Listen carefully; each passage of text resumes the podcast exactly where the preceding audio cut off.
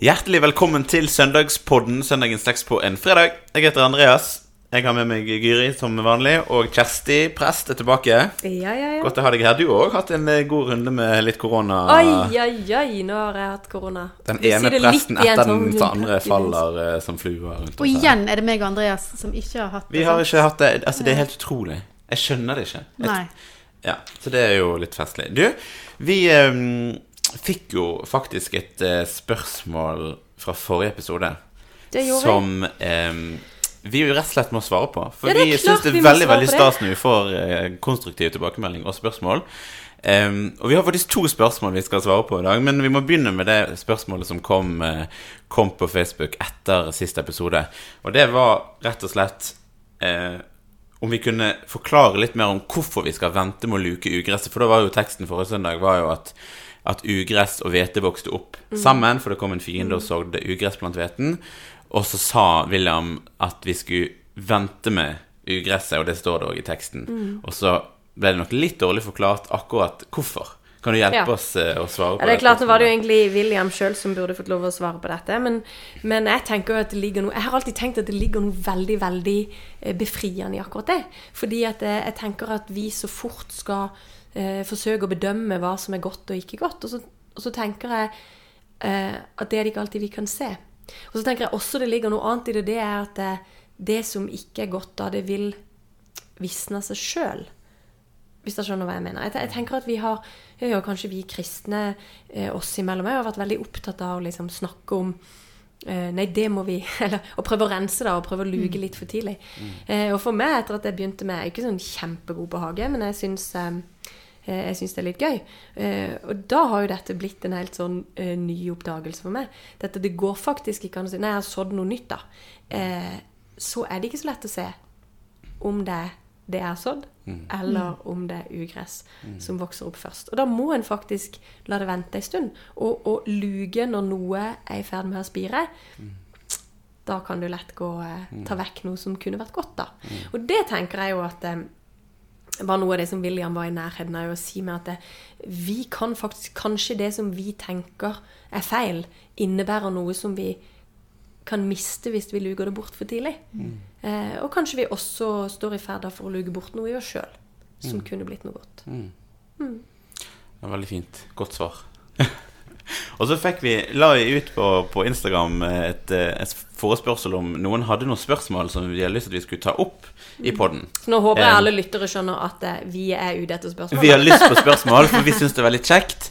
Eh, også om det er av noe man ikke skjønte i den teksten en har hørt, eller om det er andre ting en lurer på, så syns vi det er veldig fint.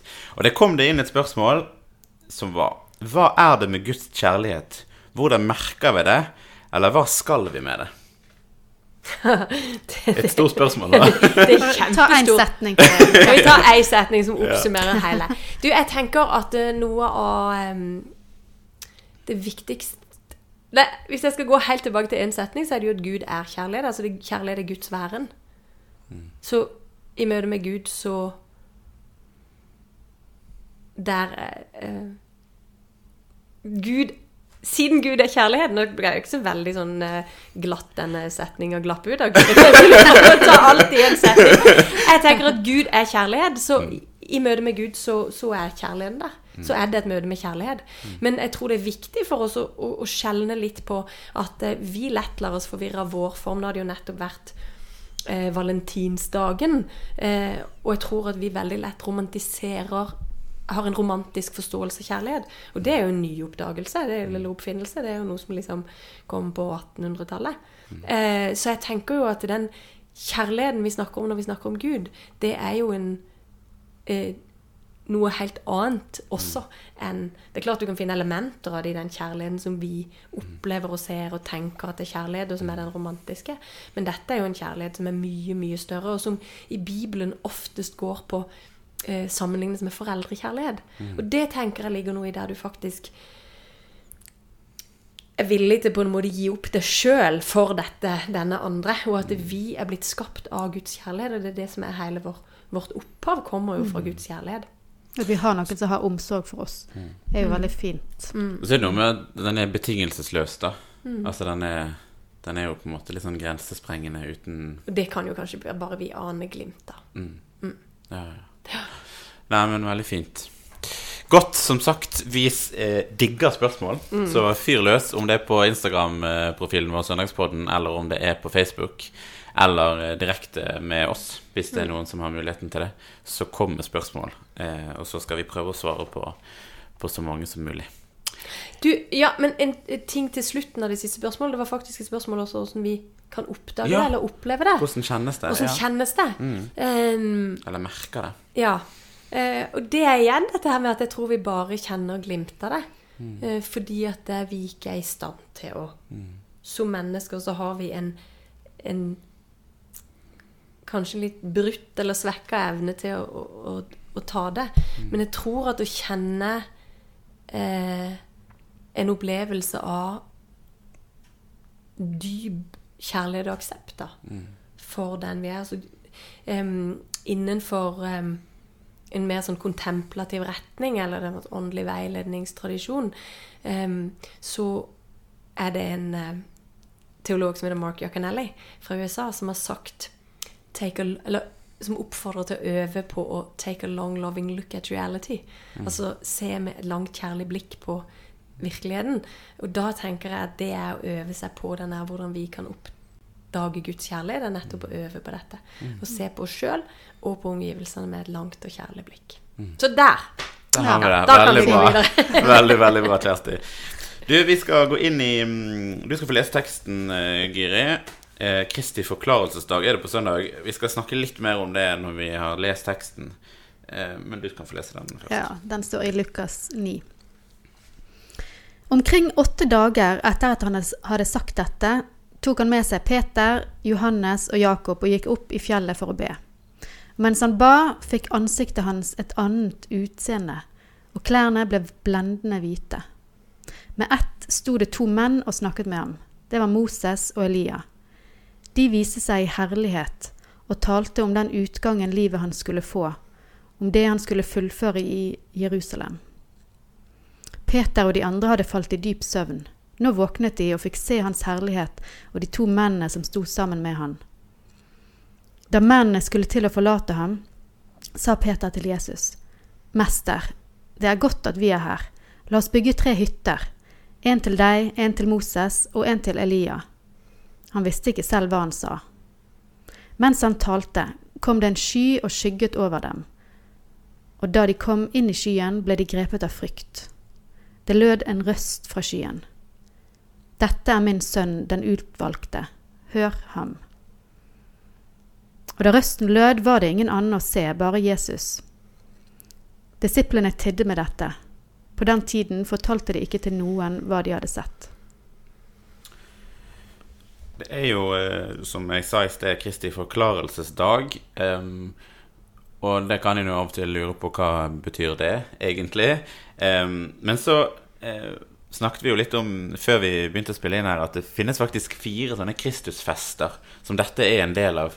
Vil du hjelpe oss å nevne de eh, Ja. fire? Eh, det ene er Kristi åpenbaringsdag, som er første søndag etter eh, nyttår. Um, og så er det da Kristi forklarelsesdag. Og så er det Kristi himmelfartsdag. Og så er det Kristi kongedag, som er den siste søndagen i kirkeåret. Som også kalles eh, domssøndag, men som har en annen Der du på en måte kan velge da, mellom domssøndag eller Kristi kongedag. Eh, hos oss så er den rekkefølgen, men den som nok har størst variasjon av disse, det er Kristi forklarelsesdag. For den ligger mange steder. Um, sånn som f.eks. du sa, Andreas, når vi var med ungdomsarbeidet i Estland, så ble den feira 6. august. Og det var Kristi forklarelsesdag i august, og det er vanlig i veldig mange katolsk ortodoks tradisjon. Eh, så har den blitt lagt der. Og det, det er forskjellige grunner til at men den har altså eh, har vært mer bevegelig enn de andre. Eh, hos oss så, er det, så har vi den her som avslutning på åpenbaringstida. Og det er jo egentlig litt fint, for åpenbaringstiden handler jo på en måte om at Jesus skal åpenbare seg for, for oss. Mm, og her og for disiplene. Så her kommer på en måte en Ja, hva, eh, jeg tenkte det var, var det så stor forskjell på åpen, åpenbaring og forklaring? Eller, jeg trodde det gikk litt på det samme. Men Men du får jo litt sånn Eller i hvert fall jeg har liksom tenkt at denne teksten gir jo på en måte Det blir på en litt sånn annen måte, fordi at uh, her møter de jo på en måte en Kristus i en litt sånn annen Det står jo at han endrer utseende. Og han, Det er akkurat som en blomst som folder seg helt ut, syns jeg. Først Ja. så kommer blomsten, og så er den helt ut folda, og så kommer Kristi himmelfartsdag, der han på en måte løftes opp fra oss, og så eh, Og det er jo på en måte en sånn, sånn Fra han blir født, og fra han åpenbares som Gud som er kommet til verden, så blir han her på en måte eh, Hvis du tar det i en sånn stigende kurve, da, så blir han løfta opp, og så kommer himmelfarten, der han forsvinner opp fra fjellet, til og med. Og så er det Kristi konge, da, der han sitter og kommer som konge i skyen. Som er liksom bildet om, om Kristus som skal komme igjen. Eh, så det er jo på en måte forskjellige da stadier. Og kanskje må vi ha det sånn i forskjellige Det er litt mer hint før, og så Ja. nå får vi det litt mer At han viser seg som Guds sønn, på en måte. og så kalles han jo i På engelsk så kalles denne dagen for Transfiguration Day. The Feast of Transfiguration, ja. Ja. Og det er jo litt morsomt, for altså Harry Potter Ja, Ja, ja, ja for der, det, der er det jo et Jeg er ikke sånn overmåte Jeg har lest alle bøkene og sett alle filmene. Og der er det jo et fag på skolen som heter Transfiguration. Ja, har de ikke en sånn lærebok, En lærebok på, som- på Galtvort? Jo, de har det. Og det handler vel om forvandling eller forstand, er ikke det det? Ja. Eh, Det er jo noe med dette her når, når Er det ikke transfigurasjon, da? Er jo når, når formen til noe endrer seg. Ja. Så det går fra å være noe til noe annet. Mm. Um, ja. Som å gå fra rotte til en kopp, f.eks. Ja. Ja. Det de gjør de jo i det det- faget. De tryller det en stemmer rotte om til en kopp. Mm. Ja, ja og, så det, og det er jo litt morsomt. Men, og vi kunne jo egentlig, hvis vi hadde hatt noen av disse em, ordentlige Harry Potter-kjennerne, så er det, jo, det er jo mange som bruker dette. Sankt Jakob eh, her i Bergen hadde jo Harry Potter-gudstjeneste. Sunniva Gylver har jo brukt i mange år i Fagerborg i Oslo. Der en bruker fortellinger om Harry Potter, har jo utrolig mange eh, kristologiske elementer, da, hvis du kan si det sånn, eller religiøse. Altså, der en kan bruke dette. Så det er jo ikke jeg tenker Det er jo ikke sånn eh, tilfeldig at noen av disse elementene ligger her. Nei, Men her er det da en annen form for transfigurasjon vi snakker om. Ja, og det er jo sant, dette med Det står at eh, når de kommer på dette fjellet, og så eh, På en måte er det akkurat som at Jesus sitt utseende endrer seg. Han får En kan ofte i mange malerier eller mange, bilder så blir han på en måte tegna eller malt som en slags sånn engleskikkelse med vinger. Han blir liksom, Og i en annen tekst, om det er Markus eller noe sånt, der står det vel òg at klærne hans var som bleket tøy, eller Altså, han, han Mm, Det, det er en veldig sånn visuell beskrivelse, sånn visuell beskrivelse her. Og jeg tenker jo faktisk at det, her nærmer vi oss noen ting som er såpass uforståelig for oss at nettopp kunsten Du nevner malerkunsten, men at nettopp kunsten kanskje er et av de stedene som best kan gi oss hjelp til å få et glimt inn i det. Da må vi kanskje til Italia og til eh, Vatikanmuseet. Og der henger jo nemlig akkurat dette motivet liksom det Kanskje det, det, det viktigste bildet til Rafael, som var en sånn kjent eh, renessansemaler. Og der ser vi akkurat det bildet der Jesus eh, Ja, vi må legge det ut på, på Facebook, mm, eller lenke til det, sånn at Mm. folk kan se det sjøl. Men der ser vi jo gjennom eh, Jesus som på en måte svever, er det vel riktig å si. Sant? Mm. Han svever oppe med disse to, eh, Elia og Moses, Mm. ved siden av, som en sånn En slags treenighet, nesten. Altså de Ja, det er iallfall veldig sånn eh, himmelsk, da. Sånn som vi av og til kan se en sånn eh, Ja, en sånn himmelsk Kristus.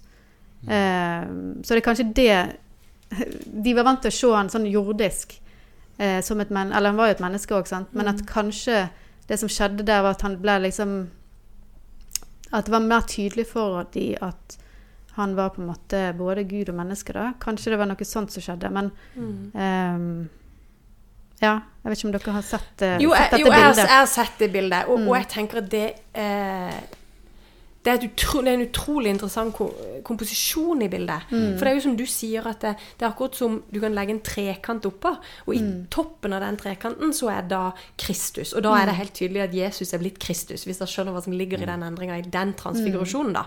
At han, er, han males som en himmelsk figur med hvite klær og englevinger og omgitt av veldig, veldig mye lys.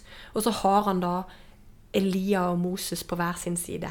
Og så Og disiplene som ligger og sover. ja, de ligger og sover på det som da er et fjell, altså en tabor, som en tenker at det er der det er. Men det som jeg syns er mest interessant med dette bildet, er jo at Rafael har malt under bunnen av trekanten, på en måte, det breieste punktet. Det er jo en litt sånn kaotisk og mørk folkemengde. Der du har veldig sånne, sånne jordiske farger. Det er liksom rødt og den der sennepsgule som ofte brukes i og blå og sånn, jo blå er ofte en himmel, himmelfarge, men her er det vel veldig, veldig sånn mørke farger. Og så er det akkurat som lyset, som da jo er veldig sentrert, eller kommer ut fra, eller går inn i, det er jo vanskelig å si av og til med malerkunsten, i Kristusfiguren. Det er akkurat som det lyser ned i folkemengden. Eh, noen av folkene står og peker opp mot Kristus. Og så er det en ja. gutt der som treffer, alt lyset treffer. Og hva er forklaringa bak det? Nei, for der er det jo en gutt som Altså Rafael, maleren, har jo malt to handlinger egentlig mot hverandre. Altså som egentlig kanskje ikke skjedde samtidig, sant. Men en, eh, en gutt som har uh, demoner i seg, som Det er akkurat så Altså, moen hans er åpen sånn at de er kanskje på vei ut, eh, mens noen ja peker opp på Jesus òg. Så det er kanskje akkurat det øyeblikket der der han blir eh, helbreda, da, med, med Jesus sin hjelp. Ja, for Eh, det er at den det er som måte- stemmer. Det er ja. den fortellinga om at disiplene prøvde og ikke fikk det til. Eh, og så kommer Jesus, og så er det han som på en måte gir Ja. de kraften til det. Og at det er det som er sikkert disiplene som da ly peker opp på Jesus, eller på Kristus, og så at lyset fra Kristus treffer ned i dette litt kaotiske mørket. Treffer han, og så forsvinner det For det er veldig stor kontrast liksom, Ja, det mellom det, det. symmetriske oppe og Og jeg tenker jo at hvis en setter den trekanten um, det kunne vi jo, Den tanken kunne vi jo fortsatt litt med. Men da blir Kristus veldig tydelig, det bindeleddet. Hvis du tenker at den har en, en motsats oppover, eh, så har Kristus er Kristus dette sentrumet som binder Altså trekantens topp, som vil da gjenspeiles på en trekant som går oppover og inn i den himmelske. Og det er jo sånn en tenker Kristus som det på en måte det, får Kristus i møte mellom på en måte det jordigste og det himmelske. Nettopp. Og det her. blir så tydelig her, da. Og som jeg tenker ligger i um, Kristi forklaringsdag. Eh, at, det- at her er det ikke Jesus som um, en leder, som en rabbi, som en som har gått foran. Så skjer det en ting til i denne teksten. For det er nemlig det at Guds stemme lyder. Og den har vi hørt en gang før. For når Jesus ble døpt, som er en av de store endringene i hans liv, sant? der begynner han sin tjeneste. Da kommer det jo en stemme fra himmelen. Guds stemme som lyder 'Du er min sønn, den elskede, som jeg har glede i'. Og nå er det den samme stemmen som lyder igjen. Og Vi kunne godt snakke om Moses og Elia som er der. Dette var jo i den jødiske forventninga en veldig tydelig element som lå at det, når Messias skulle komme, så var han oppfyllelsen av loven og profetene. Eh, og, og Moses representerer loven, og Elia representerer profetene. Så det at de er til stede, er veldig sånn den um, ultimate oppfyllelsen av noe som som da en forventning om Messias. Så det ligger en veldig sånn fyllestgjørelse av historien i dette møtepunktet Ja, det er jo på liksom Mount Tabor. at dåpen, da, da begynner han på en måte gjerningen sin. og så nå er det nesten som Det peker iallfall mot slutten av gjerningen Ja. hans. At de Her forteller jo forteller hva han Ja. skal eh, Hva det ender som, på en måte. Eller hva, hva han skal gjøre, hva det står her. Om det han skulle fullføre i Jerusalem. Ja. Utgangen livet han skulle få. Mm. Og det tenker jeg jo er kanskje det som Med å ha den dagen plassert der vi har den, så skjerpes vi nå inn mot Nå skal vi nærme oss påske. Eh, nå eh, Disse ordene kommer igjen fra Gud. Eh, litt annen form denne gangen, men det er veldig likt. Mm. og det, det er nå at nå kanskje Kanskje trengte Jesus denne forklaringa, denne gjentagelsen av Guds ord, som inn mot det som nå er liksom den tyngste delen av tjenesten. Men det andre er jo de som da er med han. Peter, Johannes og Jakob. Som får oppleve dette. Det er også de som er med han i Getsemane. Når de sovner igjen, som de da tydeligvis eh, har en eh, tendens til å gjøre. ja. Jeg tenker jo kanskje av og til at i den søvnen så ligger noe, et sånt bilde på at det, dette overgår Mm. vår forstand. da. Um, men jeg tenker at de får med seg dette på vei videre inn i den tøffeste kampen. Du, du får Guds bekreftelse på at det er dette. Du er min sønn, den elskede som jeg har glede i. Eller du er den som skal fullføre dette. Og de får se det. Og de får, får dette å gå på når de skal gå det siste stykket. Ja, for, for det det er- er her vendepunktet er, altså. Mm. Og så er det akkurat så de ikke klarer å De klarer ikke å, å si det videre. Eller det står at de, de sier det jo ikke videre. Eh, at det, det var kanskje for masse for dem, da. Ja, Ja, ja, det eller er litt, kanskje kan, det tenker jeg kanskje Men en trøst og hjelp. Kan, ja, kan handle om at det er rett og slett for, for mye for dem. Ja. Ja, det er vanskelig av og til å vite med den der. Av og til sier jo Jesus òg at de skal ikke fortelle det til noen. og sånt, sant? Men kanskje er det nettopp det at dette her bryter noe gjennom for noen, og så skal det eh, Og så skal det bli mer og mer synlig. for Altså er det jo det som eh, husker Bård ofte òg har sagt, at det, det handler ofte altså Det kan òg handle om at en får, forstår ikke fylden og hele Jesus Kristus før han har stått opp igjen. Før han har på en måte Det er da, det er da vi får, får se hvem han egentlig er. Eh, og at før det så, så, så skjønte man ikke Nei. mm, omfanget av det. Ja. Og så tenker jeg at hvis vi skal tilbake til det Rafael-bildet, så er kanskje vi eh, mer som den folkemengden. At det lyset fra Kristus skinner Det er til stede. Um, Midt i kaoset. midt i kaoset. Og, og av og til så, så får vi se det.